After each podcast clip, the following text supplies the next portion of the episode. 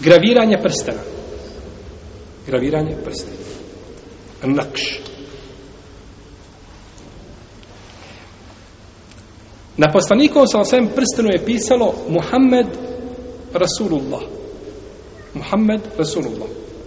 Neki učenjaci kažu da je u jednom redu pisalo Muhammed, pa ispod toga Rasul i u trećem Lafzul Dželale Allah. Muhammed, Rasul, Allah. Da je tako pisalo. Muhammed, Rasul, Allah. Međutim, to nije ispravno. Da to nema dokaza. Jasno, i to je sudio jedan dio muhatlika, islamskih učenjaka, koji kažu da postoji za to argument da je pisalo, znači, tako, nego iz polješnjeg značenja hadisa ne zaključuje se, znači, ta činjenica. Većina islamskih učenjaka je dozvolila da čovjek na prstenu napiše svoje ime. Primjer, napiše Meho. Napiše Muhammed. Ime svoje da čovjek napiše na prstenu. Ovaj, znate kako, ovaj, naši su oni, oni muslimani, prije što su po kafanama hodali, što su probleme pravi po kafanama, ovaj, uh, lupali sve one flaše, osim one koje su zelene boje bile. Ovaj, on, on bi ovdje izgravirao svoje ime. U stvari, nije izgravirao, nego bi ga ovaj, tetovirao ime veliko, onda veliki, veliki onaj mjesec i zvijezdu stavi i sad se raskopča i takav uđe jel sam pun sebe, jel, kao fan. Kodaja. uđe u kafanu. To je pogrešno. to je zabranjeno. Ono što je dozvoljeno jeste pisanje na prsten. Da čovjek napiše ime svoje, jel, na prsten. Ovaj. Ne smije to. Ili riječ mudrosti. Na primjer, da napiše na prstenu sjeti se smrti.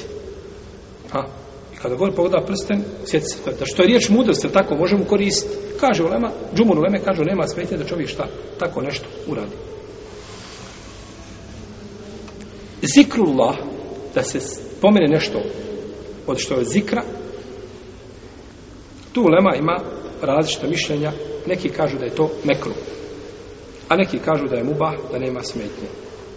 No međutim, kažu, uvjet je da se to ne izlaže fitnetu. Kakvom fitnetu? Da se time ne ulazi u WC. Na primjer, klozet. Ili na mjesta gdje ne priliči da ulazi, znači ono što je, jel, gdje je spomenuto Allahu Azzeva žele ime.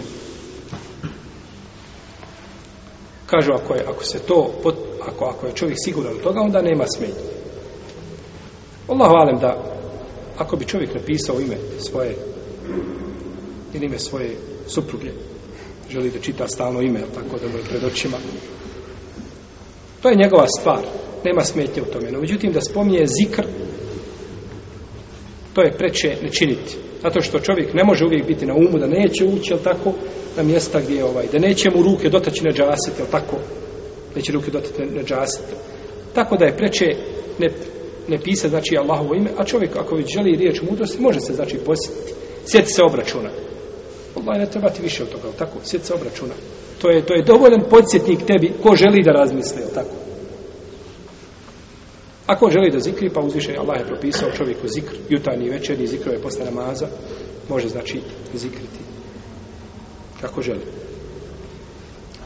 Navodi se da je na Sulejmanovom prstenu, Sulejmanu, ali i njegovom prstenu, da je stojalo ugravirano La ilaha ilallah Muhammadu Rasulullah.